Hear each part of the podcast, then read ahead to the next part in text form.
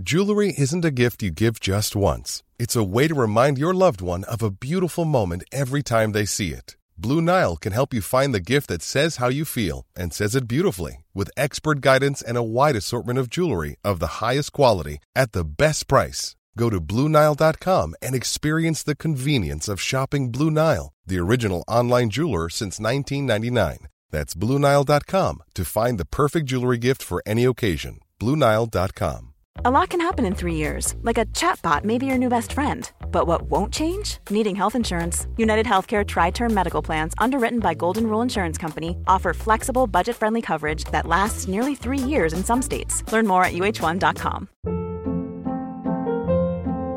Hold up. What was that? Boring. No flavor. That was as bad as those leftovers you ate all week. Kiki Palmer here, and it's time to say hello to something fresh and guilt-free. Hello Fresh. Jazz up dinner with pecan-crusted chicken or garlic butter shrimp scampi. Now that's music to my mouth. Hello Fresh. Let's get this dinner party started. Discover all the delicious possibilities at hellofresh.com. I can discuss some of the psychological aspects of the case. You've got to get a hold of yourself. Now look here, Johnson, I'm going to get to the bottom of this. I can discuss some of the psychological aspects of the case. And you're really crazy, you know that? Oh, yes, I remember that. Is this any concern of yours? Stop, stop, stop it now. I mean it. Ja, hei, det er psykolog Sondre Livre her. Diagnosen er dessverre svært alvorlig. Det viser seg at alt du tenker og føler er feil. Du må for all del ikke stole på hjernen din, den lyver. Alt du opplever er filtrert via nevroser fra ubevisste avkroker. Hvis du følger nøye med, er det en liten mulighet for at jeg kan hjelpe deg. I can some of the I can some of the I can some of the psychological aspects of the case. Well, I'm just losing my mind, that's all. Du må ikke tro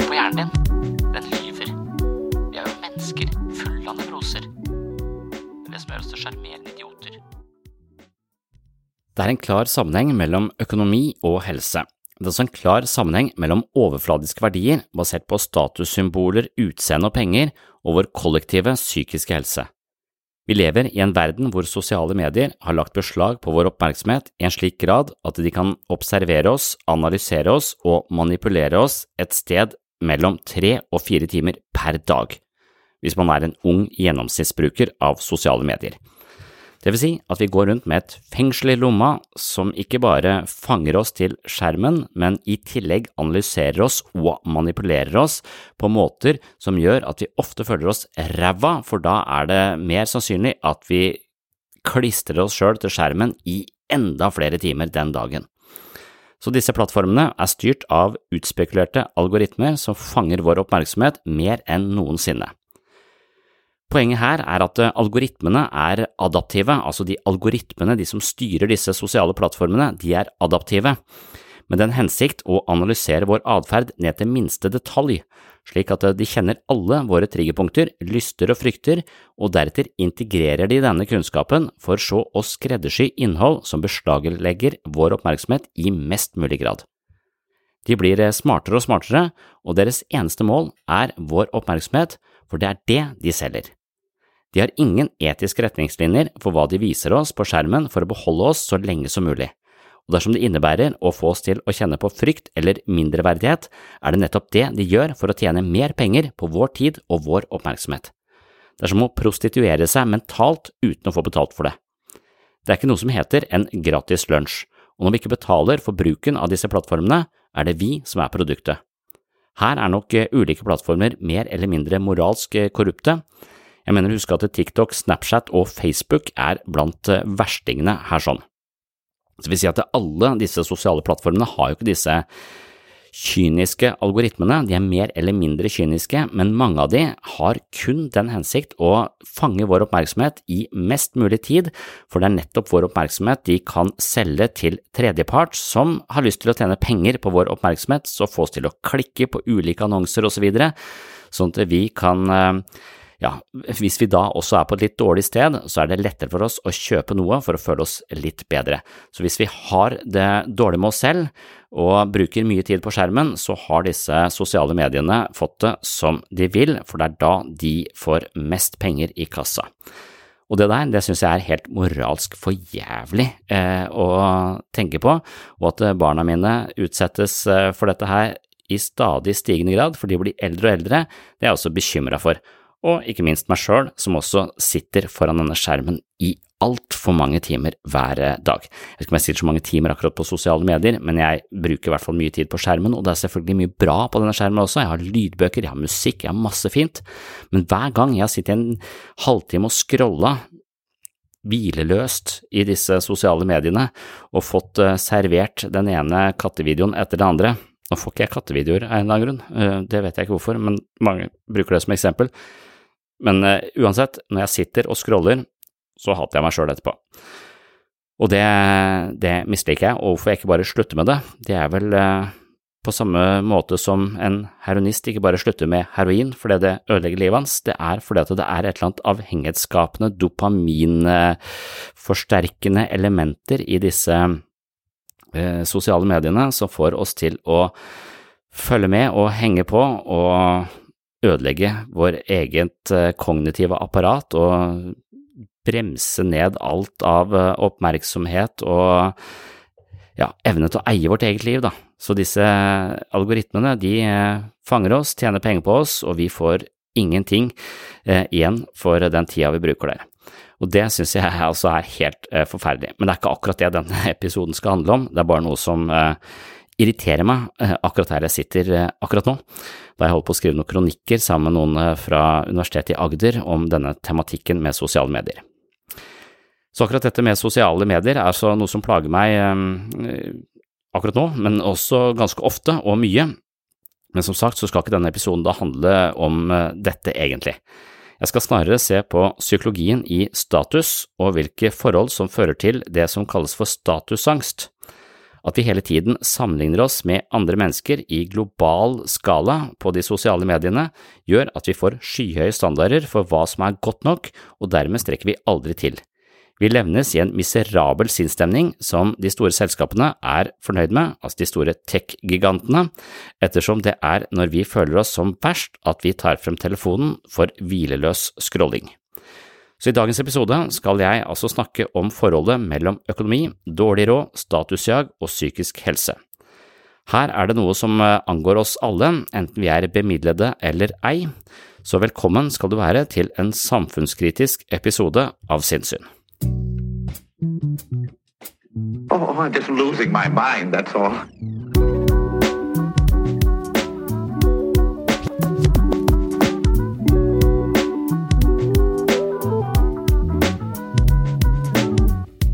Jeg tror vel kanskje at mental fleksibilitet er en slags egenskap som man kan opparbeide seg. Og det tror jeg er nesten det verktøyet vi kan bruke når vi er i vanskelige situasjoner. For å kunne innta litt flere perspektiver, så vi kanskje kan eh, rygge ut av den blindveien hvis vi har satt oss helt fast. Så jeg vet ikke om vi får det til, men, eh, men da temaet i dag er sosial angst. Så jeg, pleier, jeg klarer ikke å høre meg sjøl, så jeg hører ikke på den podkasten. Derfor så pleier jeg å, å, lese noe som jeg tenker kan være relevant til det. Og den gangen så har jeg lest en bok av en som heter uh, Alain Diboutot. Jeg klarer, uh, han er fra Sveits, tror jeg. En, uh, men han har, um, han har skrevet en bok som heter Statusangst. Det er en slags filosofisk selvhjelpsbok. Så han har et ganske langt argument som jeg syns er ganske interessant. Eller mange argumenter han mener vel at uh, å kunne både uh, fra forskning, men også uh, gjennom hans mer sånn filosofiske blikk på tilværelsen, at det vi kaller sosialangst, eller statusangst som han kaller det, det er noe som har økt på betraktelig den siste, den siste tida. Og så har han litt forklaringer på, på hvorfor vi gjennom de siste Han går veldig langt tilbake i historien for å for å dokumentere og se på dette her. Og han begynner liksom i middelalderen, hvor han sier at eh, da var det noen mennesker som var adel. Noen var eh, grever og hertuger og De hadde ulike sånne titler som de var født med. Og så var det noen som var bønder og jordbrukere, og de var født med det. Og det å komme seg fra jordbruket opp i adelen, det var stein umulig. Men også stein umulig å komme seg fra adelen og ned i jordbruket. Så det, var også, så det å gjøre klassereiser var, eh, var helt umulig. Dermed så eh, blir man eh, født inn i et sosialt lag. Og hvis du blir født som bonde, så lever du i hytte med gjennomtrekk og har lite mat. Og hvis du blir født i en eller annen adelig familie, så, så har du stor plass, god mat og masse fordeler. Men eh, det var forholdsvis eh, trygt, da, for eh, hvis du var født som adel, så visste du at du kunne ikke falle ned til, til fattigdom. Hvis du var født inn i fattigdom, så var det helt umulig å komme seg opp og bli rik også. Så, så det var ikke noe å stresse med. Du måtte bare akseptere det sånn som det var. Og det mener han kanskje demper litt av denne uroen som vi ser, ser, i dag. Men så hadde også de bøndene de hadde, I hvert fall i deler av Europa, da, de hadde en ganske gjennomgripende filosofi som hjalp til litt, og det var kristendom. Så de tenkte at eh, grunnen til at jeg er fattig, det er Guds vilje. Guds veier er uransakelige. Eh, og jeg er bare blitt satt på prøve, og hvis jeg består denne prøven, så kommer jeg til himmelen. Og det er lettere for eh, meg å komme inn i himmelen enn det er for en kamel å komme gjennom et nåløye eller en rike å komme inn i himmelen. Da. Så du har alle disse ideene fra, fra, Bibelen som på en måte hjalp folk å akseptere den situasjonen eh, de var i. Og I tillegg så hadde de fattige hadde Jesus på sitt lag, da. for han var ikke spesielt bemidla. Og så var han snekker. Sånn at, eh, sånn at de hadde liksom den, den personen som folk så mest opp til. Eh, i disse føydalsamfunnene. Eh, det, det, det, kristne, etter eh, når det kom inn altså Jesus, han er på, på, vårt lag, og Jesus var fattig, vi er fattig, og dermed så, så er det Da kunne ikke på en måte borgerskapet kunne ikke kjøre det argumentet på at de som er rike, de er, har mer verdi enn de fattige. For, for Jesus var fattig. Så Derfor så, så, funket ikke dette argumentet med at eh, velstand og status kunne eh, kobles til eh, menneskeverd. Da. Og Derfor så gikk det ikke utover menneskeverdet på den måten som vi kanskje ser i dag. For det som, det som dukker opp etterpå, eh, på midten av 1800-tallet, er et meritokrati, påstår eh, han eh, Botada. Og det, det, er et ord som jeg liksom har tenkt er jævlig Jeg har ikke brukt det så mye, men jeg syns det er alltid tenkt på det som en god ting. Da, for meritokrati betyr jo at det, folk vurderes ikke ut ifra hudfarge eller um, sosial status eller uh, kjønn eller alle disse parameterne der sånn. Du blir bedømt på det du faktisk presterer, så det går på meritter. Så i et meritokrati så betyr det at vi plutselig, den industrielle revolusjonen osv., så, så er det sånn at Ethvert menneske kan nå ha mye større muligheter. Man kan ta utdannelse, man kan jobbe på fabrikk, man kan tjene mer penger enn før. Så plutselig så får man mange muligheter. Så det blir også muligheter for å foreta klassereiser fra fattigdom og oppover i, eh, på rangstigen, på sett og vis.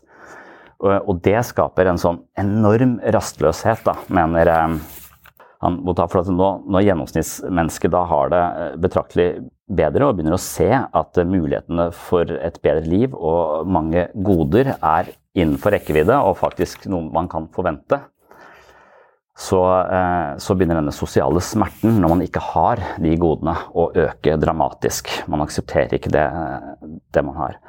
Og den store ulempen altså Et meritokrati betyr at ok, hvis du står på og gjør en god innsats, så har du masse, eh, masse muligheter. Men det betyr også at hvis du ikke lykkes, så er det din feil. Fordi du er lat og dum. Så plutselig så blir det å være fattig blir da forbundet med en sånn type skamfølelse som det ikke var tidligere. Så Derfor så kommer denne statusangsten så veldig på oss. fordi at hvis ikke vi lykkes, så er det fordi vi ikke har prøvd hardt nok. Så vi privatiserer da disse eh, parameterne på hva som vi anser som, eh, som å være vellykka. Så veldig bra at vi nå kan eh, på en måte, Det er en høy grad av sosial mobilitet som gjør at vi kan bevege oss rundt omkring på, i hierarkiene. Men vi får også alt ansvar for alt som går til helvete, og vi tar også all ære for alt som går bra. Så nå er det ikke Guds vilje lenger, nå er det opp til, opp til oss selv. Så er det, det er fint, men så har det den bivirkningen at det er ikke sant. For det er ikke sant at du kan bli hva du vil, som vi forteller barna våre. Altså, du, du kan, I prinsippet så er det en mulighet for det, men sjansen for at du blir akkurat det samme som foreldrene dine, er sinnssykt stor. Hvis du er født i nedre del av middelklassen, på en måte, så er sjansen for at du havner akkurat der som voksen, veldig, veldig, veldig stor på, på gruppenivå. Det å foreta klassereiser er fortsatt ikke så jævlig enkelt som vi skal ha det til. Ja, men da gjorde du bare ikke bra nok på skolen osv. osv. Nei, men så lenge du ikke har de samme forutsetningene for hjelp osv. Det er så tusenvis av faktorer som binder deg fast til eh, den konteksten du fødes inn i. Så det skal sjukt mye til for å komme seg og bryte. Det er ikke umulig. Det er, er mer mulig nå enn i et føydalsamfunn, men, eh, men, det er fortsatt jævlig vanskelig. så Derfor så kan man ikke i like stor grad klandres for disse, disse tingene. Men det mener, eh, jo han også da er med på å booste denne, det han kaller statusangst. da.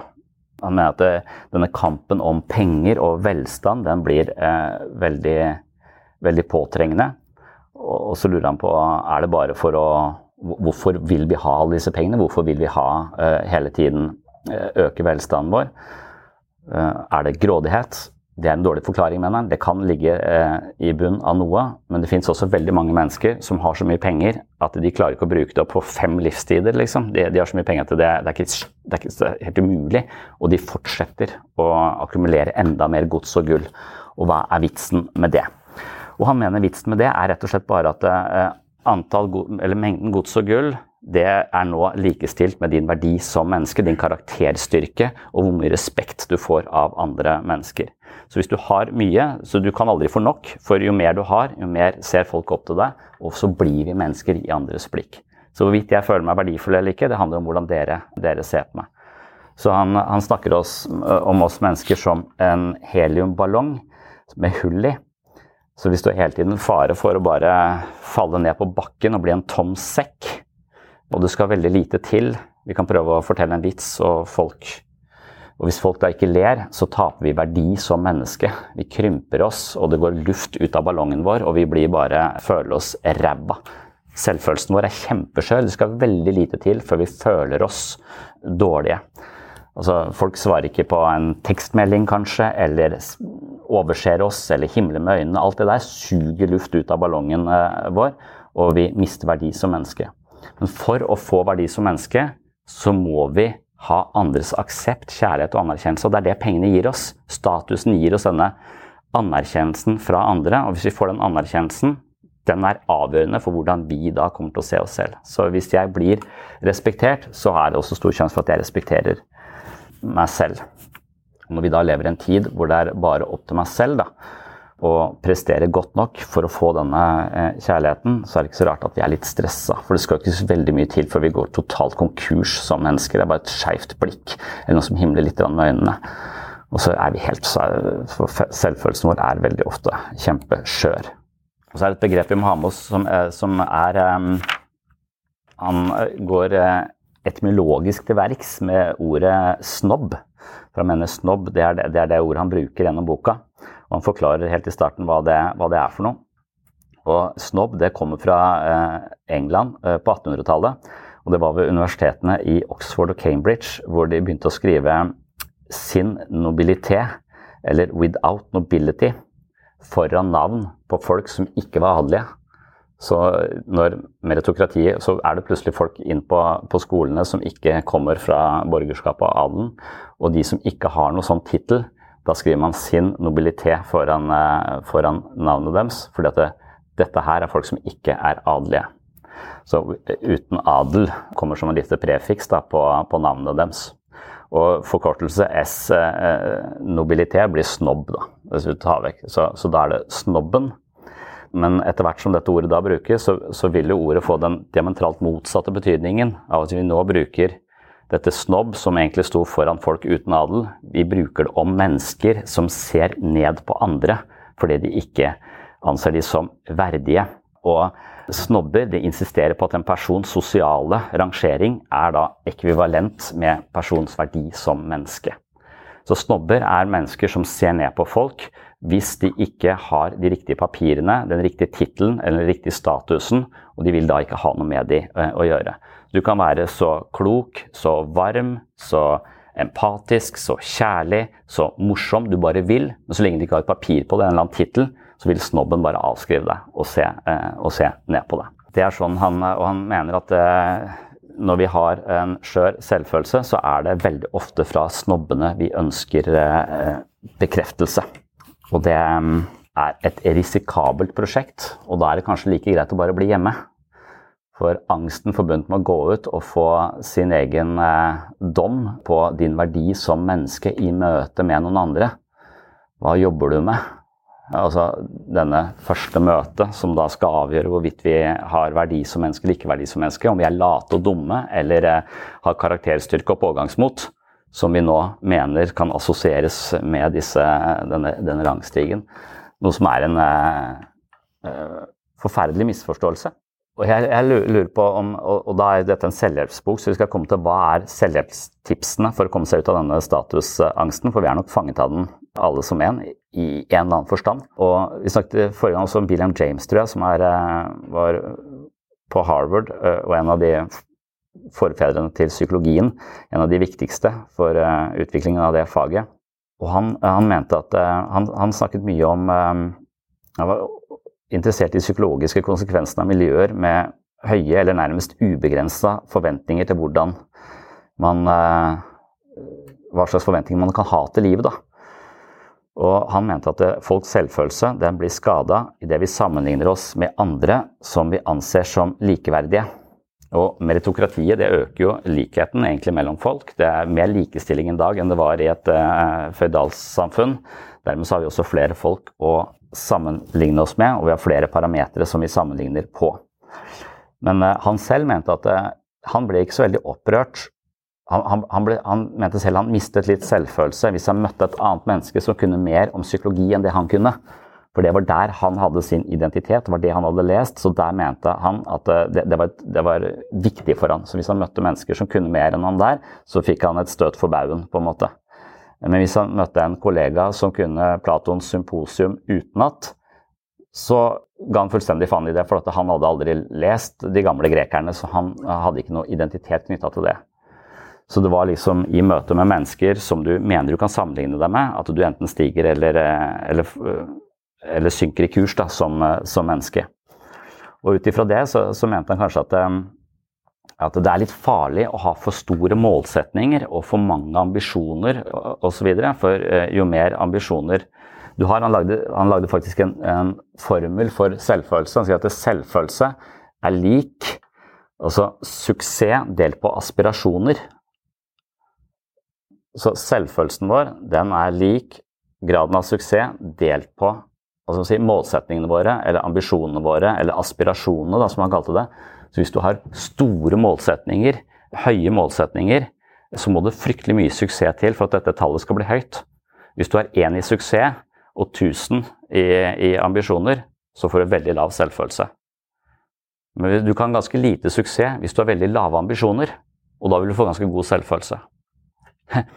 Så, så, når man da vurderer dette, altså hvis man skjønner den formelen og tar den formelen for gitt, da, så kan man jo kanskje gå inn i f.eks. et yrke som kanskje har litt lavere status enn andre. Noen vil si at det, noen skammer seg over å, å jobbe i butikk eller, eller, et eller annet sånt og syns ikke at det er, er, er godt, godt, nok. For det, vi, det fins et eller annet mer eller mindre eksplisitt hierarki, tror jeg. Vi tenker om ulike jobber, ulike yrker osv. Og, så videre, og det vi liker jo å si at vi er likestilt og alt sånt, men likevel så tror jeg i alle kulturer opp gjennom tiden så har det vært et eller annet sånn sosialt hierarki som alle veit om, og som de driver og, og, og, beveger seg på, eller sitter fast på et eller annet nivå på denne, på denne rangstigen. Men hvis du da møter et eh, menneske og skal fortelle hva du hva, hva, så Jeg jobber der og der, og så eh, vil man få forsvare om det er bare midlertidig, eller jeg skal videre, eller det, det, og det. Også. eller så kan du si at jeg, jeg, jobber her, jeg har tenkt å jobbe her resten av livet. Jeg har ikke noe mål om å komme noe lenger, for jeg har skjønt William James sin formel på at hvis jeg har veldig høye målsetninger, så må jeg så jævlig mye suksess for å føle meg bra. Så jeg har valgt å ha veldig lave ambisjoner og lykkes i det jeg gjør, for da får jeg god, god selvfølelse. Så kanskje senke standarden litt. Da. Der sånn er, er hans eh, råd. Men det tror jeg er eh, vanskelig. Fordi at eh, Grunnen til at jeg føler meg mislykka, det er jo fordi at jeg har lest altfor mange selvhjelpsbøker. Jeg har til og med skrevet de selv. Noen Derfor så, så, er jeg jo skyldig i dette. Så du, du, kan se for deg at du kan stå i et svært bibliotek fullt av biografier om folk som har, um, har gjort det bra og er interessante mennesker. Og så har du en hel seksjon full av selvhjelpsbøker, og alle er liksom mynta på å inspirere og, og, vise folk hva som er mulig, og gi de tips til hvordan de kan eh, bli bedre. Mens det de egentlig gjør, er jo bare sette urealistisk høye standarder som du aldri kan eh, komme til å nå, og du føler deg kronisk ræva.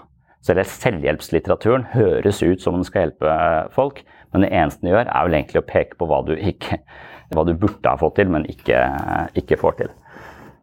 Det å være pappa, f.eks. For, for meg har jeg aldri følt at jeg lykkes uh, som pappa, fordi jeg eier over 100 bøker om hvordan bli en god pappa.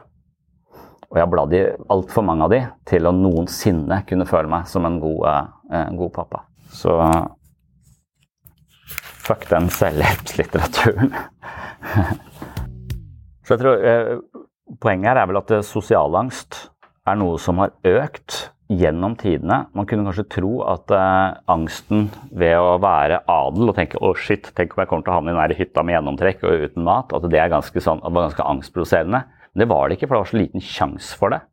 Og de som var der nede, de hadde heller ikke noen sånne veldige ambisjoner om å nå høyt, og de måtte prestere. Så, så alt det stresset der sånn, det, det, det, var ikke til stede. Men det var selvfølgelig jævlig urettferdig at noen ble født rike og andre ble født fattige. De har jo sånne kastesystemer og sånn rundt omkring i verden som fortsetter eh, på en variant av det der sånn. Så det at vi har noen muligheten til å, å forandre oss, er, eh, er bra, men, eh, men, hele tiden så ligger det da under, i underteksten at du er ansvarlig for din egen, du er din egen lykkes med. Og jeg vurderer din verdi, fordi jeg er en snobb, så vurderer jeg din verdi ut ifra de merittene du har. Og hvis du ikke har noe å vise til, så tror jeg jeg må finne noen andre å prate med. Og idet jeg vender meg vekk fra noen, eller de vender seg vekk fra meg, så synker jeg i kurs som menneske. Jeg, lufta går ut av ballongen min, jeg føler meg ræva. Fordi jeg er med på det jævla spillet der sånn om at disse ytre symbolene på status og, og, og verdi, de eh, tror jeg på. Og derfor så føler jeg meg ræva hvis noen virker som om de er uinteressert i meg. Eller, ikke, eller anser at en annen er mer interessant enn meg, osv. Og Det er også derfor jeg kan ha en grad av sosial angst, særlig hvis jeg skal møte mennesker som jeg ikke har møtt før, eller som jeg ser opp til på en eller annen uh, nivå. Så, så, tenker jeg at det faen det jævlig viktig at de liker eh, meg. Så ble jeg så stressa over å bli likt at jeg ikke er opptatt av noen andre enn meg sjøl, og hvordan jeg er overfor den andre. Så jeg burde jo på en måte oppslukt i min egen navle i møte med de menneskene jeg er opptatt av å bli likt med. Og det er ingen som liker folk som er oppslukt i sin egen navle. Derfor så mislykkes jeg kronisk. Så det er mitt tips mot eh, sosial angst. Det er jo å, å, virkelig ikke gå inn i en situasjon og tenke at du skal imponere eller bevise noe som helst. For da, da eh, blir du selvsentrert og jævlig nervøs. Men det gir jo også, gir også sånn styrke sosial angst. Det er ganske vanlig at folk er stressa i møte med andre mennesker. Og det er fordi at de kan Det er jo som en bank uten uten noe vel, eller noe lås. Og så det andre mennesket kan bare ta selvfølelse fra deg, eller gi deg selvfølelse ved å anerkjenne det. Du, du, du får det, det, blikket, så skal du være ganske Du skal være ganske utenfor disse, dette sosiale jaget, uten, uten å liksom la det gå inn på deg. da. For det er ganske vanskelig å komme ut av denne malstrømmen av uh, statusjag på sett og vis, for den gjennomsyrer sannsynligvis kulturen vår. Selv om vi har noen idealer som sier det motsatte. Selv om alle de store visdomstradisjonene har fortalt oss at du er verdifull fordi du er et menneske, ikke for hva du får til og hvor mye penger du har osv., så, videre, så så har vi likevel vanskeligheter med å akseptere det eller ta det innover oss. Jeg tror vi hviler vår egen verdi i merittene våre. Altså, eller i Ja, folk har forskjellige steder hvor de hviler, hvor de måler sin egen verdi. da. Eh, og så lenge det er ytre faktorer, så kan du komme til å miste det. Og da er du fryktelig, fryktelig sårbar. Så det å vite at du har en verdi i deg selv, det er liksom kunsten, da. Og den kunsten, den virker jo som om Altså, den, det der slipper barn for. For barn, bitte små barn, de syns folk er skjønne. Og de beundrer litt uansett. De har ikke gjort noe som helst, de har ikke prestert noe som helst. De klarer ikke å holde huet sitt oppe sjøl engang. Så det er totalt uh, uten meritter. Men, uh, men, folk vil likevel akseptere de og anerkjenne deres eksistens veldig mye. Og se de og se de, ah, og så skjønn og dulle, dulle med de. Så blir du litt eldre, så gjør ikke folk det med deg. De anerkjenner ikke din eksistens lenger. Altså, de, de, du er nødt til å, å, å, på en måte fortjene den anerkjennelsen plutselig. Og da er vi i gang med, med livets uh, kjas og mas. Drive og fortjene den, den anerkjennelsen og føle at vi er gode nok. Så dermed så er det liksom, Hvis det er én ting som går gjennom hele psykologifaget, så er det liksom ubetinga kjærlighet som barn. Det gir deg kanskje den følelsen av at du er verdt å elske eh, som menneske. Og hvis du ikke føler deg verdt å elske som menneske, så vil du fortsette den kampen om å finne strategier for å bli anerkjent. Og da om det er å tjene penger, så er det indirekte bare for å få den kjærligheten du egentlig mangler. Eller manglet som, som liten, og denne troen på at du er verdt å elske. Og jeg tror ikke um, Jeg har hørt en som delte opp menneskeheten i Det er de som tror de er verdt å elske, og så er det de som ikke tror de er verdt å elske. Og de, de som ikke tror de er verdt å elske, de må jobbe noe jævlig for å, for å enten overbevise seg selv eller innse at de faktisk er det, eller at de bare jobber hele livet for å høste anerkjennelse. Og det er eh, et utmattende prosjekt. Dette er en selvhjelpsbok, så han har jo da strategier på hvordan bli kvitt eh, Eh, bli kvitt statusangst. Jeg liker sånne filosofiske eh, strategier mer enn sånn eh, se på deg selv i speil og si at du er verdifull. For det syns jeg Det virker Det slår meg som bitte litt banalt da, innimellom. Mens han her er mer sånn litt vanskelig å lese. Mer sånn, han mener at ja, et, av de argumentene jeg syns var, var, morsomme, var han, han sier at for å komme deg ut av denne statusangstjaget, så kan du besøke Colosseum, eller du kan gå i kirken, eller eh, gå ut i ørkenen. Men poenget var at, eh, at mennesker liker ruiner. Vi liker å se på gamle ting. Så når vi reiser rundt i verden, så reiser vi ofte til de gamle tinga som er ødelagt.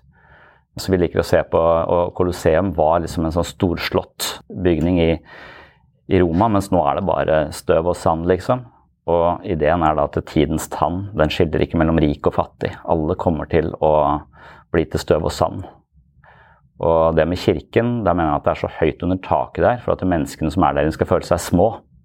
Så det, den voldsomme, spesielt syns jeg i Nidarosdomen, den der enorme følelsen av å være bitte, bitte liten i et stor, stor sammenheng. Den er ganske påtrengende når du går inn i så mektige bygninger. Så, så kirker er ofte ganske mektige. og han mener at er, den arkitekturen er laget så vi mennesker skal føle oss små og ubetydelige, og dermed anspores til en mer sånn spirituell tankegang. Da. Men det skal også, også, minne oss på at vi er, alle, vi er alle like, vi er alle små, vi er alle ubetydelige. Og det må, hvis du er opptatt av status og hvor mye status du har og sånn, så kan du hvis du er, står midt i en ørken, så er det veldig vanskelig å føle seg veldig stor og betydningsfull. Eller hvis du er midt på vidda, så kan det også være vanskelig å føle seg veldig betydningsfull. Så litt i motsetning til de store visdomstradisjonene som sier at vi er verdifulle, alle mennesker er like verdifulle, så sier han at alle mennesker er like betydningsløse. Og når du virkelig innser din relative ubetydelighet, så er det også veldig mye lettere å behandle andre mennesker likeverdig.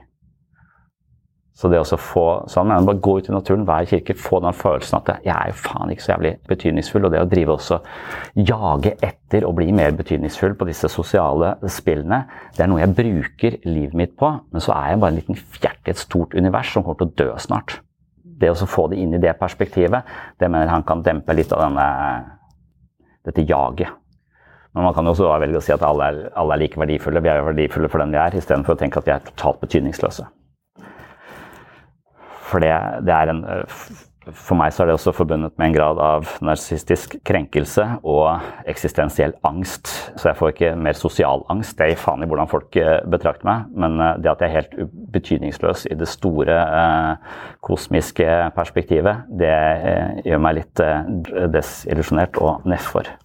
Men, noe, men, jeg, men jeg skjønner perspektivet. Jeg skjønner det å føle seg lik andre mennesker. At det er noe utrolig befriende i å føle seg lik eh, andre mennesker, for da er kampen liksom litt over.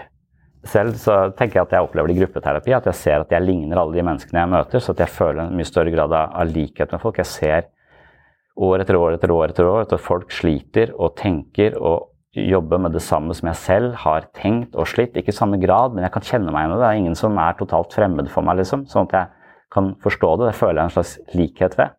Og så føler jeg det i de gangene jeg har vært Enten jeg selv har vært eh, ganske eh, syk, eller at noen veldig nær meg har vært veldig syk. Så jeg har vært på sykehusavdelinger hvor døden liksom har vært veldig tett på. Og, da betyr ikke Og da husker jeg traff en, en, en, som er en del eldre enn meg, som er eh, lege, da, på, samme, på samme avdeling. Ikke som lege, men som pasient. Så jeg tenkte at ja, døden tar alle litt sånn Så da, da, er man plutselig på like fot. Man er like små i møte med, med døden. Og det er ganske skrekkinnjagende. Også et eller annet sånn Alt det der jaget der ute om å bli noe, være noe og, bli likt og ikke likt, det blir satt ut av spill.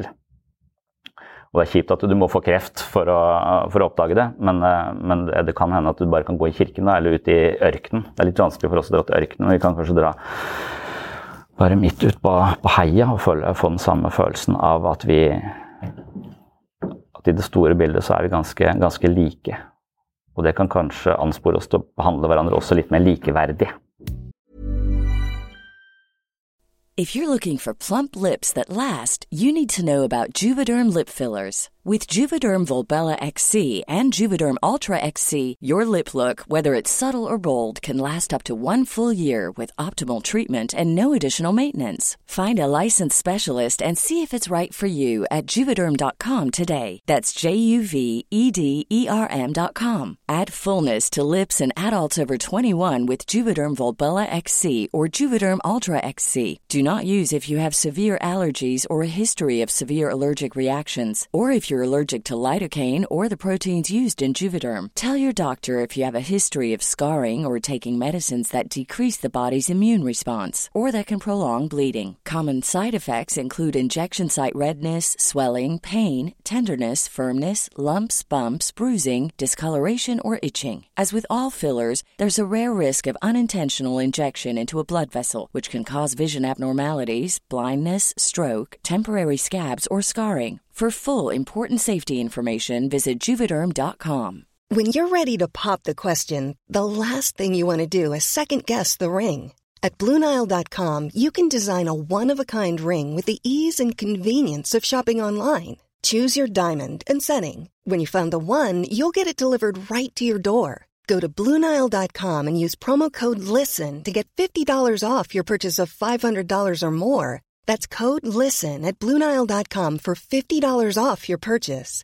Bluenile.com code LISTEN. Life is full of awesome what ifs, and some not so much, like unexpected medical costs. That's why United Healthcare provides Health Protector Guard fixed indemnity insurance plans to supplement your primary plan and help manage out of pocket costs. Learn more at uh1.com. Men jeg syns det gir mening. Er, er sosial angst et slags um altså en slags fornemmelse for hva som er på spill. Så idet jeg møter et annet menneske, så vet jeg at det hele min verdi som menneske er på spill. Altså den nervøsiteten du kanskje kan føle hvis du spiller poker da, og har lagt inn eh, altfor mye i potten på eh, kort som åpenbart eh, er for dårlig. Altså den, den følelsen av en høy grad av risiko. For der kan du tape penger, mens i det sosiale så kan du tape status. Hvis du taper status, så blir det vanskeligere å like seg sjøl. Og hvis du er vanskelig å like deg sjøl, så blir det vanskelig å stå på morgenen. Og så videre og så videre. Så den frykten vi har i møte med, med, andre mennesker, det er at risikoen for å bli avvist, den er, er, til stede. Og den er ikke triviell. Det er ikke bare 'fuck, det er en dust', jeg driter i han. Noen klarer det, men de fleste av oss kommer det til å komme under huden på på en eller annen måte. Så Derfor er risikoen jævlig høy for å gå ut i det sosiale landskapet der. sånn. Og Da kan det være kanskje tryggere å sitte hjemme og ikke bli bekrefta i det hele tatt. Men det fører også til en langsom situasjon hvor all lufta går ut av ballongen din. For du trenger jo andre menneskers anerkjennelse for å få luft i den ballongen. Da er det jo egentlig litt viktig hvem du går ut og møter. Og det er eh, selvhjelpstips nummer to fra Alain de Boutet. Han eh, sier 'bli bohem'. Prøv å han, Da snakker han om eh, han der han som gikk ut i skauen uh, og bygde seg en hytte og satt der ute. Han, uh, Henry David Thoreau satte seg uh, Han var så redd for å bli en sosial refleksjon. Han mente at hvis jeg befinner meg i denne kulturen, så vil kulturen gjennomsyre meg. Jeg vil få de verdiene, jeg vil bli med på dette jaget. Jeg er nødt til å skjerme meg fra hele denne malstrømmen av uh, sosialt spill og isolere meg der ute for å komme tilbake til, uh, til meg sjøl og til, til, naturen. Så han flytta ut i skauen, og så bodde han der ute med en innsjø som het Walden. Det er ganske dramatisk, da, altså bare reise vekk, eh, vekk fra det. Og sånn som meg som har tre barn, så vil det være veldig vanskelig for meg å bygge meg en hytte i skogen og bo der ute. Så det er jo ikke helt realistisk, men en variant av det for å komme seg ut av denne mentaliteten som gjennomsyrer oss, og særlig kanskje med sosiale medier og sammenligning og alle disse kjendisene med høy status som forteller detaljer om livet sitt og hvor vanskelig de hatt det, men likevel klarer, eh, klarte seg, seg, så bra. Alle disse historiene som hele tiden utsettes eh, for. Altså det komme seg litt på, på avstand eh, av det kan kanskje være Kanskje vi er nødt til det. Litt sånn som alkoholikerne er nødt til å fjerne seg litt fra, fra barn for å, for å, klare å komme seg på beina igjen. At vi da må omgås mennesker som har litt de samme verdiene. Og da tenker jeg kanskje vi må være ut på Odderøya, da. Altså på den der eh, vaktbua. Det er det stedet jeg har vært hvor jeg har opplevd mest, skal vi si Mennesker som ikke virket som om de var akkurat var opptatt av å være lik alle andre, i hvert fall. Men, men, det kan godt være at det hele idealet der var også bare å være annerledes. jeg vet ikke. Det var en eh, konsert med et band som sang LSD i tolv sanger på rad. Men omgås mennesker med litt av de samme verdiene, som på en måte dyrker denne eh, tanken om at alt dette statusjaget og sånn er et særdeles overfladisk og destruktivt spill som hele tiden viser deg hva du mangler, hva du skal få til, hva du må prestere for å føle deg bra. Noe som gjør hele livet til en krampetrekning. Bli bohem omgås mennesker som har de samme verdiene. Vi snakket om det litt tidligere da, også, at det, det kan nok godt hende at alder spiller en ganske vesentlig rolle. Og at, at altså vi har jo et livsløp, og på et eller annet tidspunkt så er det slutt. Og idet vi nærmer oss slutten også, eller kommer nærmere slutten, så skjønner vi kanskje, så kanskje vi gjør noen omprioriteringer på verdiene våre. Sånn at at det, det, det, med denne ørkenen eller det med kirken eller Det er et slags memento mori-argument. Eh, at eh, husk, du skal dø. Alle er like for ljåen, synger DumDum Boys når han mista dattera si. Så, så, alle er egentlig eh, like. Og det at vi skal drive og strebe etter å, å bevege oss på denne rangstigen og stå over eller under og hele tiden hente verdi i denne kampen om, om egenverdien. når vi dypest sett er like betydningsløse eller betydningsfulle alle sammen, og at det spiller så liten rolle i et, et livsløp. Altså at du skal bruke så jævla mye tid på å bli eh, likt istedenfor å leve livet ditt og være nysgjerrig til stede. Det er jo forferdelig tragisk. Og e, etter hvert som du blir litt eldre, så tror jeg kanskje du innser det. Og at den innsikten bare ikke er teoretisk, men at du eier den litt i hjertet og skjønner litt at ja, men faen, alle kan ikke like meg. Jeg, ja, at du, du, du får dempa den sosiale um, behovet litt. At du kanskje klarer å hvile mer i seg sjøl. For det er jo hele tiden hva som, hva som bestemmes, hva vi gir verdi osv. Det er jo ikke noe vi selv bestemmer, det er jo noe vi adopterer fra referansegruppa vår, som er kulturen, liksom. Og hvis vi hele tiden som ung har masse ambisjoner, skal bli ditt, skal bli ditt, så, så har vi et voldsomt eh, press på oss. Men etter hvert som vi blir eldre, så jeg kommer ikke til å spille på Liverpool. Det er ganske sannsynlig at jeg ikke kommer til å spille på Liverpool som var drømmen min da jeg var liten. Men det var bare drømmen fram til jeg var ti. Så, og jeg blir sannsynligvis heller ikke rockestjerne. Selv om jeg nå eh, på mandag har min første gitartime, så er nok eh, ambisjonene mine svært lave. Så skal veldig lite suksess til på gitarspilling før jeg får veldig god selvfølelse. Fordi jeg ikke har noen ambisjoner om å bli. Så at eh, nettopp det at vi, ja, og at vi tenker at virkelig innser at den der kampen om, eh, om den statusen også er så triviell at det betyr jo ingenting. altså. Skal jeg, stå, skal jeg farte rundt og holde foredrag, eller skal jeg være som med barna mine? Altså, hva, det, det kan godt hende at, at, det, at på en måte kutymene eller standarden for hvordan du skal og ikke skal være, jo trangere den er, jo viktigere er det å passe inn i en eller annen form. Men kanskje jo, jo, større bredde det er i kulturen, jo lettere er det å finne en slags tilhørighet hvor kan, man kan uh, dyrke sine verdier og, være, og finne likesinna. Så det kan nok godt, uh, godt hende. Og at uh, jeg, jeg, har vel en sånn liten sånn horn i sida til den, de, deler av de religiøse miljøene i Kristiansand. Ikke nødvendigvis for det de tror på, men, men på, på, den der lobbyen, den der hvordan det er veien inn til å komme i de rette miljøene for å få de rette kontaktene, for å få de rette kontraktene, for å tjene de beste pengene, på sett og vis. At det, der, at det ligger litt latent i noen sånne og Jeg vet jeg er kanskje paranoid, men jeg, bare, så, jeg har vært sånne danse, dansesettinger med, med, barn. da. Og så vet jeg jo hvem noen etter hvert når jeg har bodd der i byen i 15 år, så jeg vet hvem noen er. Kjenner de ikke, men jeg vet hvem de er. Og jeg skjønner etter hvert også hvem barna deres er. Og så, når du danser som, lite, som, en liten jente, da, dattera mi er fem som danser, så kan du stå enten først eller i andre rekke eller i tredje rekke. Hvis du står i tredje rekke, så syns du ikke. Du kommer ikke med på filmen heller. Du, du, synes, du synes ikke bak der. Og, og, de sprang rundt, altså da syntes alle. Men, men, det er en tendens til at det er noen uh, som hvert år står foran. De foreldrene er på en eller annen måte mest aktive. De er kanskje mest ressurssterke. De er også de som er sentrale i menigheten. Dette var jo i Philadelphia-huset, eller Kolossen, eller hva det, hva det, var for noe. Så jeg vet ikke om det er sånn, jeg har en sånn følelse av at uh, denne sosiale rangstigen, og spesielt i de religiøse miljøene hvor alle er likeverdige og de fortsatt har denne Jesus-figuren som var fattig osv., men at det hele tiden også ligger en sånn underliggende statusbevissthet der, som alle har, men som ingen eh, eller egentlig uttrykker. Da var det mer sånn åpent. Du er adelig, eh, du har mye penger. Jeg, det, var sånn, det var sånn fastlåst. Det var ikke noe sånn å, Mens nå er det der, men det er bare skjult. Og jo mer, eh, jo mer vi har fastlåste verdisystemer, jo mindre sjanse er det for at du klarer å komme unna den, og bli fanga av den usikkerheten du selv da føler på, hvis ikke du strekker opp til er religiøs nok er sånn og sånn, eller får sånn og sånn, så, så er det lett å, lett å falle utenfor. Ja. Det, er, det er, masse bra i religiøse miljøer. Det er veldig godt fellesskap og sånn. Men eh, det kanskje, kanskje, det er feil. Jeg har hørt om en sånn religiøs lobbyvirksomhet i, i, i spesielt på Sørlandet. Det, men det er jo andre lobbyvirksomheter andre steder i, i landet.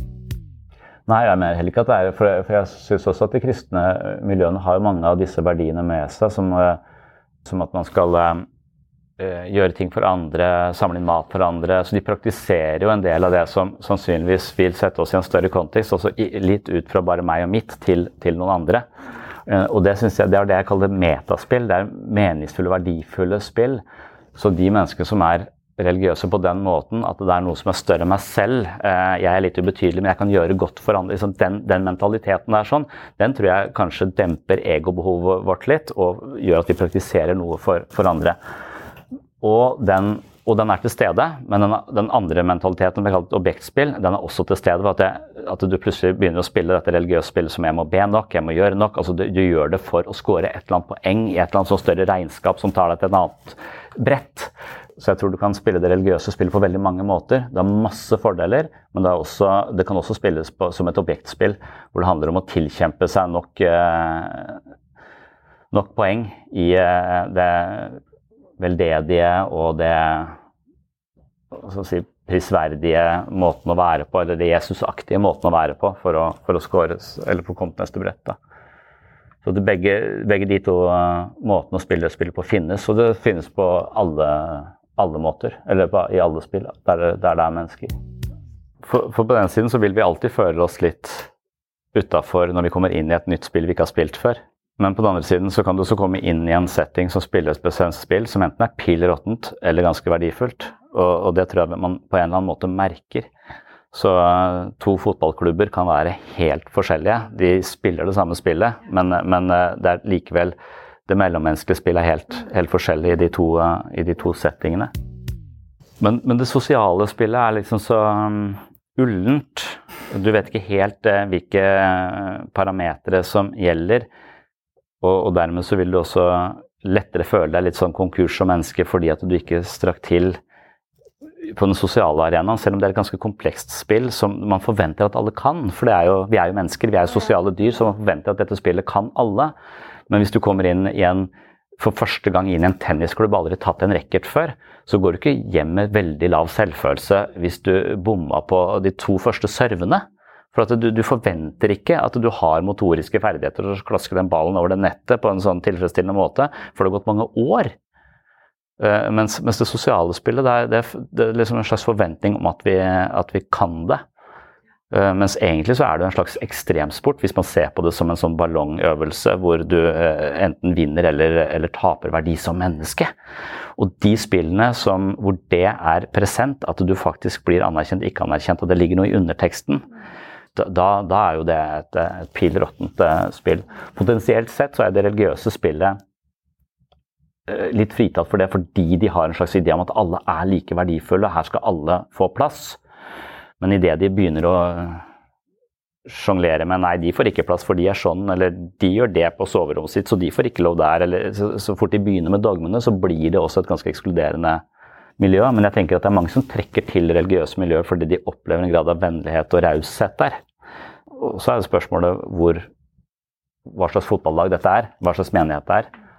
Klarer vi å ha bredde for, eh, for, eh, for folk, eller, eller, må de inn i denne malen? Du kan være en råtten tennisklubb hvor folk ler av deg fordi du bommer på, på ballen, men, men, da er det sannsynligvis også lettere for å tenke at det, fan, de er helt dust, jeg har aldri tatt en racket før, så det er ikke noen grunn til å le av meg. Det er lettere å avsløre det, liksom.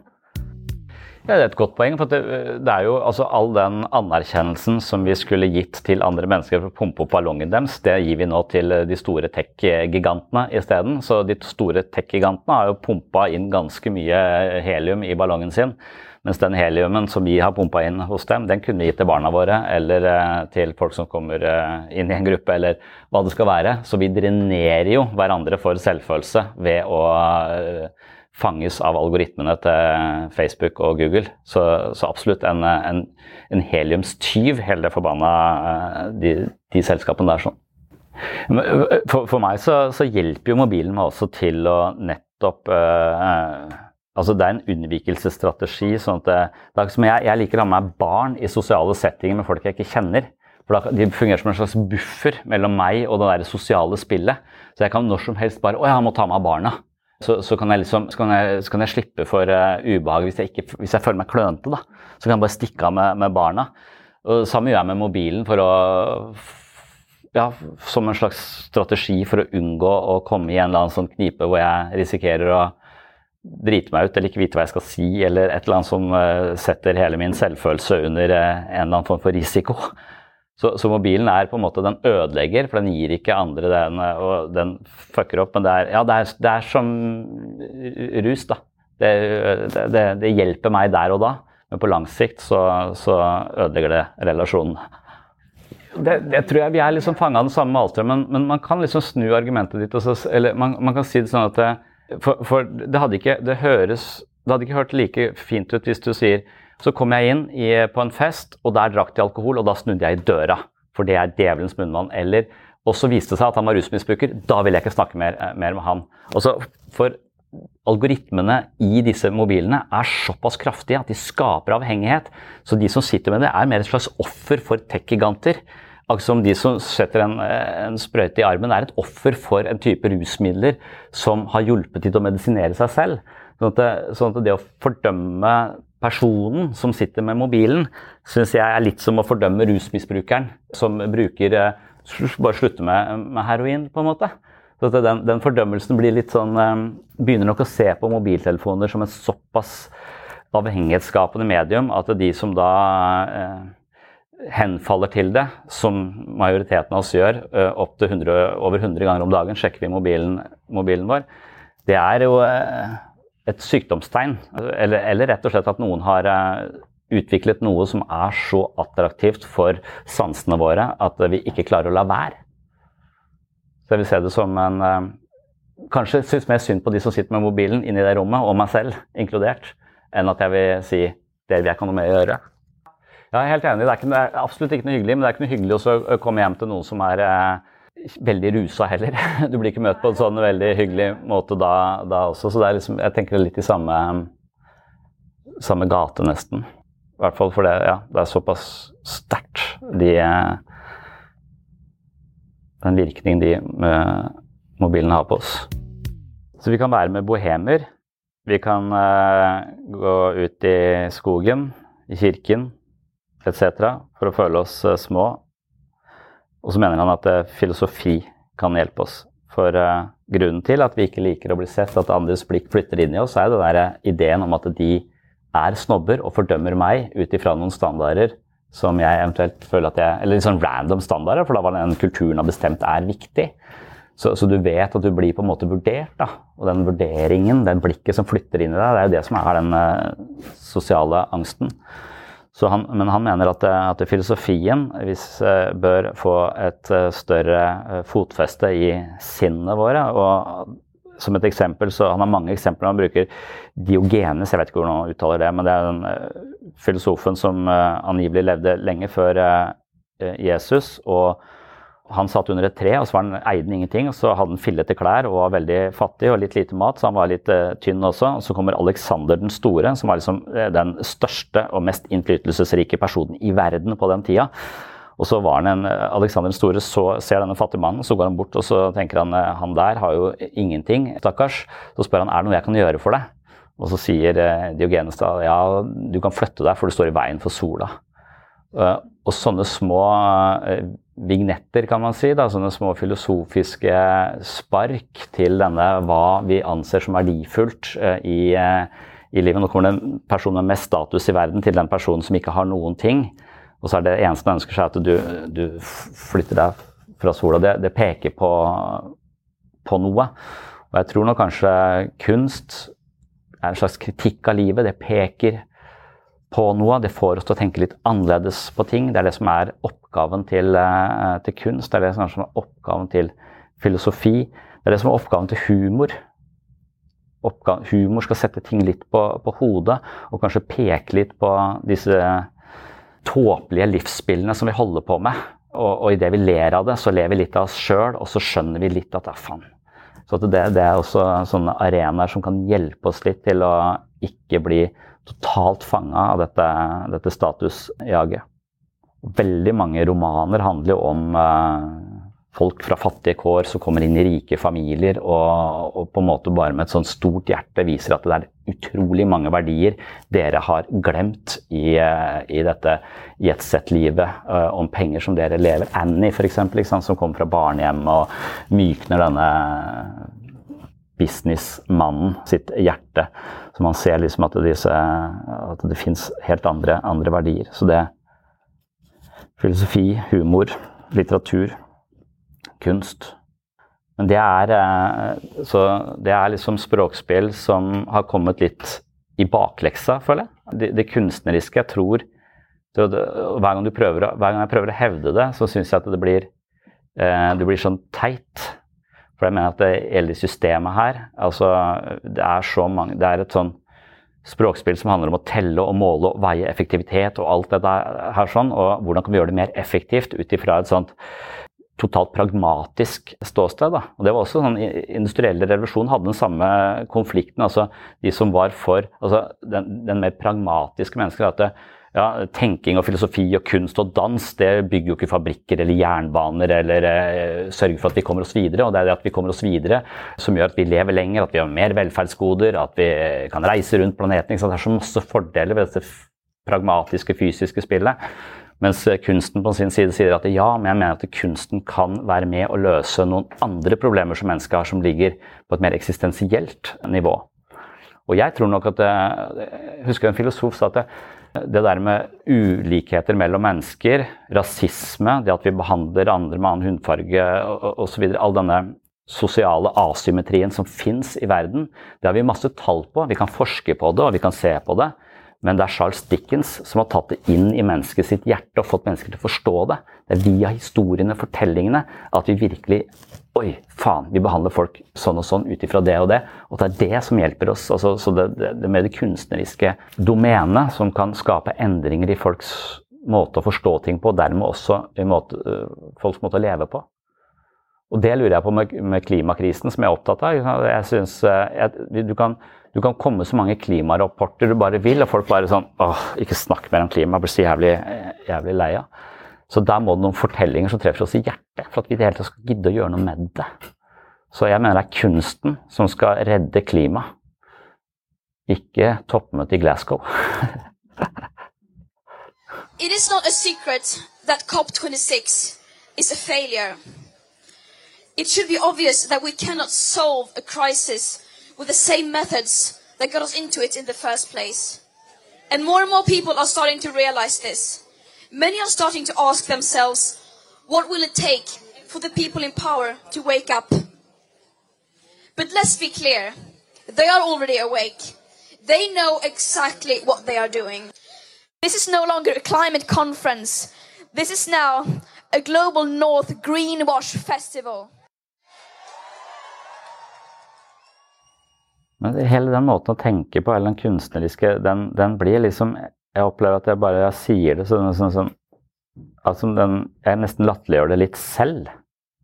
Jeg var på sånn konferanse nå med sånn heter schizofrenidagene. Så, så var det snakk om eh, hvordan vi som behandlere eh, opplever det å være i dette systemet, som er mer og mer sånn stringent. Skal mer og mer sånne krav, skal mer og mer journalføring, mer og mer prosedyrer. Hele tiden noe vi må gjøre, sånn at vi tida vi kan ha sammen med mennesker, den blir mindre og mindre, og tida vi må bruke på å fylle ut uh, skjemaer, blir større og større. Så en, en lege eh, i dag bruker 50% av tida si på å fylle ut eh, skjemaer og skrive ting på en datamaskin, og 50% av tida på å møte eh, pasienter. Og det høres Er det nødvendig? Det tenker man eh, på et eller annet. og de sier at det er en slags smultring da, hvor, hvor, det er et hull i midten. Og, og smultringen, altså det som er rundt, det, det, skaper rammene rundt det vi kan gjøre. Men hull i midten det er der vi kan måte, bestemme litt selv. Da. Men graden av hva vi kan bestemme selv, og fleksibiliteten vi har overfor andre mennesker, den blir mindre og mindre jo mer tida vår blir spist av andre ting. Og det, det vet alle, men, men hun som da skulle forsvare terapeuten i dette systemet, som hele tiden spiser hull i, i denne smultringen, ble bare mindre og mindre hun brukte sånne ord som at ja, da kan jeg ikke Terapi er en dans. Og så bare Å nei, må ikke snakke sånn dansespråk, for da, da blir det bare latterliggjort. Jeg skjønner hva hun mener, men, men språket har ikke gjennomslagskraft i en, en, profesjon som prøver å være mer og mer naturvitenskapelig og evidensbasert. Fordi at vi skal standardisere, og, og psykiske plager er sykdommer. Så kom det en, en som heter Allan Topor, som jobber på universitetet her, er svensk. Han kom etterpå og dementerte alt det der som alle disse teknikerne hadde, hadde sagt ved å, ved å, si at det finnes ikke et eneste bevis for at schizofreni f.eks. er en sykdom. Og det var sånn lettelse at han kunne si det, at det å være menneske er jævlig komplisert, og at vi kommer til å feile og prøve og alt sånt. Og det er ikke en sykdom, det er en del av av livet, og det kan være vi må danse oss ut av det. Det er ikke sikkert at vi bare kan finne prosedyrer og fjerne dette med kirurgisk presisjon. Da. Men med en gang det kommer en terapeut og snakker om at vi skal danse diagnosene, liksom, så, så, blir det bare sånn der, da, da, ler hele denne establishment av det, på en måte. For det er ikke en, en måte å tenke på. Det er så vanskelig å formulere det. Det er så lett å formulere det andre, som vi kan måle og veie, og det gir oss så og så mye, og det er eh, signifikant bedre enn det, bla, bla, bla. Alt det der. der sånn. Det skal føre oss inn i sånn helt som om mennesket er en bil. Så kan vi presisere eh, hvordan vi skal justere akkurat den mutteren der og der, og, og, og så videre. Ja, for, for, for, læring er sånn, sånn i området, syns jeg.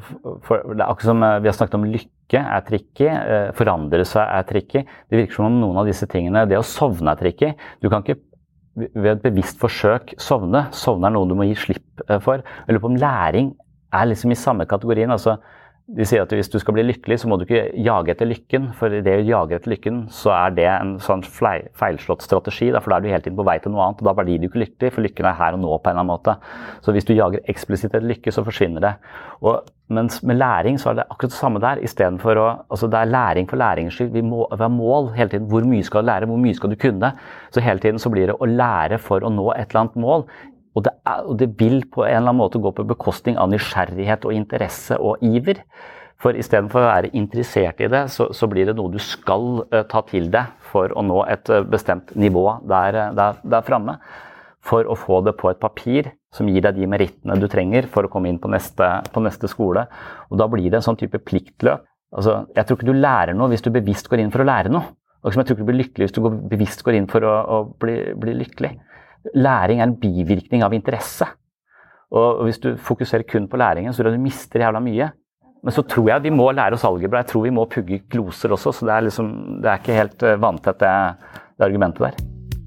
Takk for at du hørte på Sinnssyn. Takk for uh, alle dere som har gitt meg tilbakemeldinger i iTunes eller andre podkastplattformer hvor det er mulig å rate og komme med tilbakemeldinger. Det er veldig mange hyggelige tilbakemeldinger. Jeg får også veldig mange hyggelige mail og andre beskjeder i ulike sosiale medier som jeg sjekker sporadisk og prøver å sjekke mindre og mindre. Derfor så får jeg ikke så mange svar, fordi jeg prøver å koble meg ut av disse mediene. Men ehm, ja, jeg klarer ikke å svare på alt som kommer min vei, men jeg leser alt som kommer eh, på mitt bord på en eller annen måte. Så, så, jeg får med meg alle tilbakemeldingene og setter veldig stor pris på alle de som er hyggelige, og prøver å ta til meg de som er kritiske. Men som sagt så klarer jeg ikke å svare på alt, men jeg prøver å svare innimellom så, så godt det lar seg gjøre. Hvis du vil ha mer sinnssyn, så vet du hva du skal gjøre. Da kan du gå på patron.com for slags sinnssyn. Der har jeg et mentalt treningsstudio hvor jeg mediterer, hvor jeg lager masse ekstra episoder av sinnssyn jeg poster masse videomateriell fra foredrag jeg har hatt osv. Jeg leser bøkene mine kapittel for kapittel, sånn at de tre bøkene mine havner som lydbok der inne på Patron. Og ja, det er også eh, litt annet eh, materiale der inne, mentale øvelser, altså selvhjelpsøvelser. Jeg mener jo at det en ting er å forstå psykologisk teori, men en annen ting er å sjøsette det i sitt eget liv. Den overgangen fra teori til praksis er jeg opptatt av, og da tror jeg vi trenger noen øvelser for å sette den teorien inn i livet. Så det er altså målet mitt med dette mentale treningsstudioet på patron.com for segs sinnssyn. Så hvis du finner verdi her på sinnssyn og har lyst til å støtte prosjektet, så kan du skaffe deg et eh, abonnement, for det er på grunn av disse abonnentene på Patron at jeg kan eh, prioritere dette prosjektet og lage nye episoder her på sinnssyn hver eneste uke. Så tusen hjertelig takk til Patron-lyttere som eh, er med å finansiere denne podkasten, sånn at det kommer gratisepisoder her hver eneste uke. Og siden de er med på å støtte det, så får de da noe ekstramateriale inne på Patron. Men eh, som jeg pleier å si, så er jeg jo opptatt av å spre kunnskap om psykisk helse til så mange som mulig, og hvis du ikke har eh, kapasitet eller er bemidla nok til å støtte prosjektet, så er det fullt forståelig. Eh, derfor så skal jeg eh, si det viktigste av det jeg syns eh, man bør få med seg av psykologi og psykisk helse her på den åpne podkasten. Og så er det for de som virkelig vil dykke ned i psykologiens verden, jeg da har laget dette Patron-stedet, og for å få et sted hvor det også er mulig å hente noe inntekt, for det er ganske ressurskrevende å drive denne podkasten. Det var det jeg hadde for denne gang. Jeg kan også nevne at det er eh, en eh, egen podkast som heter Sinnsyn eh, premium. Den finner du fortrinnsvis på noe som heter Anchor, og der går det også an å tegne et abonnement hvis du bare vil ha ekstra episoder av sinnssyn. Så på Anchor, som er Spotify sin plattform altså Det letteste er vel å gå inn på Spotify, egentlig, og så tegne et abonnement der inne, men du kan også bruke dette abonnementet i alle sånne podkast-apper, sånn at du får en egen feed, og da får du altså tilgang til eh, premiumepisoder av Sinnsyn som er posta på denne Anchor-plattformen som er Spotify, da.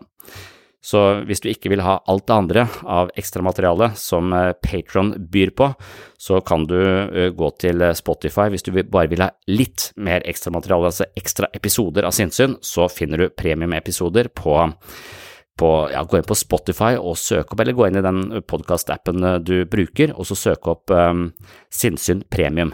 Og der inne på Sinnsyn Premium så vil det også ligge noen episoder som er eh, åpne for alle, så du kan uansett få noen gratisepisoder eh, av eh, Sinnsyn som ikke postes på denne åpne podkasten, inne på Sinnsyn Premium.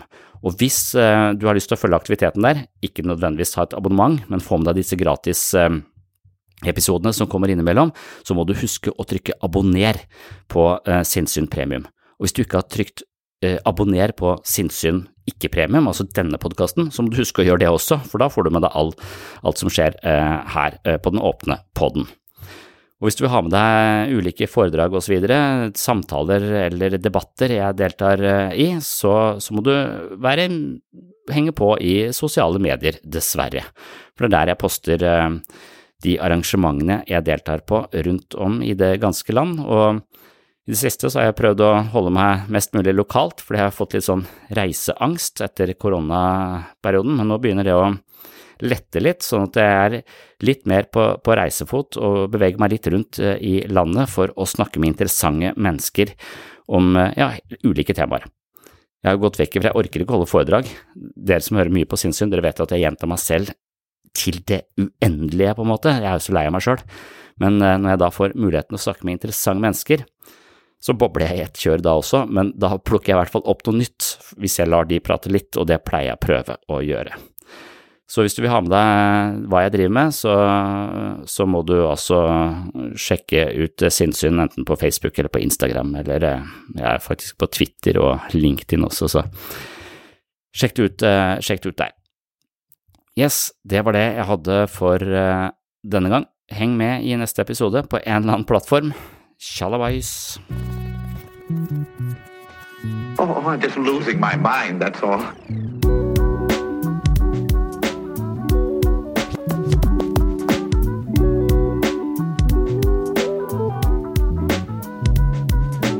I can discuss some of the I can discuss some of the I can discuss some of the psychological aspects of the case. Psycho, psycho, psychological aspects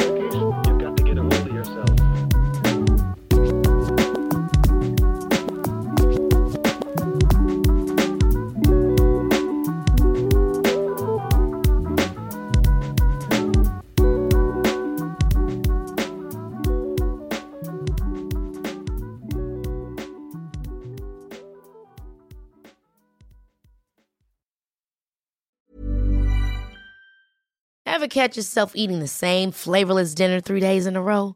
Dreaming of something better? Well, HelloFresh is your guilt-free dream come true, baby. It's me, Kiki Palmer. Let's wake up those taste buds with hot, juicy pecan-crusted chicken or garlic butter shrimp scampi. Mm. Hello Fresh. Stop dreaming of all the delicious possibilities and dig in at HelloFresh.com. Let's get this dinner party started. Mom deserves the best, and there's no better place to shop for Mother's Day than Whole Foods Market. They're your destination for unbeatable savings, from premium gifts to show-stopping flowers and irresistible desserts. Start by saving 33% with Prime on all body care and candles. Then get a 15-stem bunch of tulips for just $9.99 each with Prime. Round out Mom's menu with festive rosé, irresistible berry chantilly cake, and more special treats. Come celebrate Mother's Day at Whole Foods Market. Planning for your next trip? Elevate your travel style with Quince. Quince has all the jet setting essentials you'll want for your next getaway, like European linen, premium luggage options, buttery soft Italian leather bags, and so much more. And is all priced at 50 to 80% less than similar brands. Plus, Quince only works with factories that use safe and ethical manufacturing practices. Pack your bags with high-quality essentials you'll be wearing for vacations to come with Quince. Go to quince.com slash pack for free shipping and 365-day returns.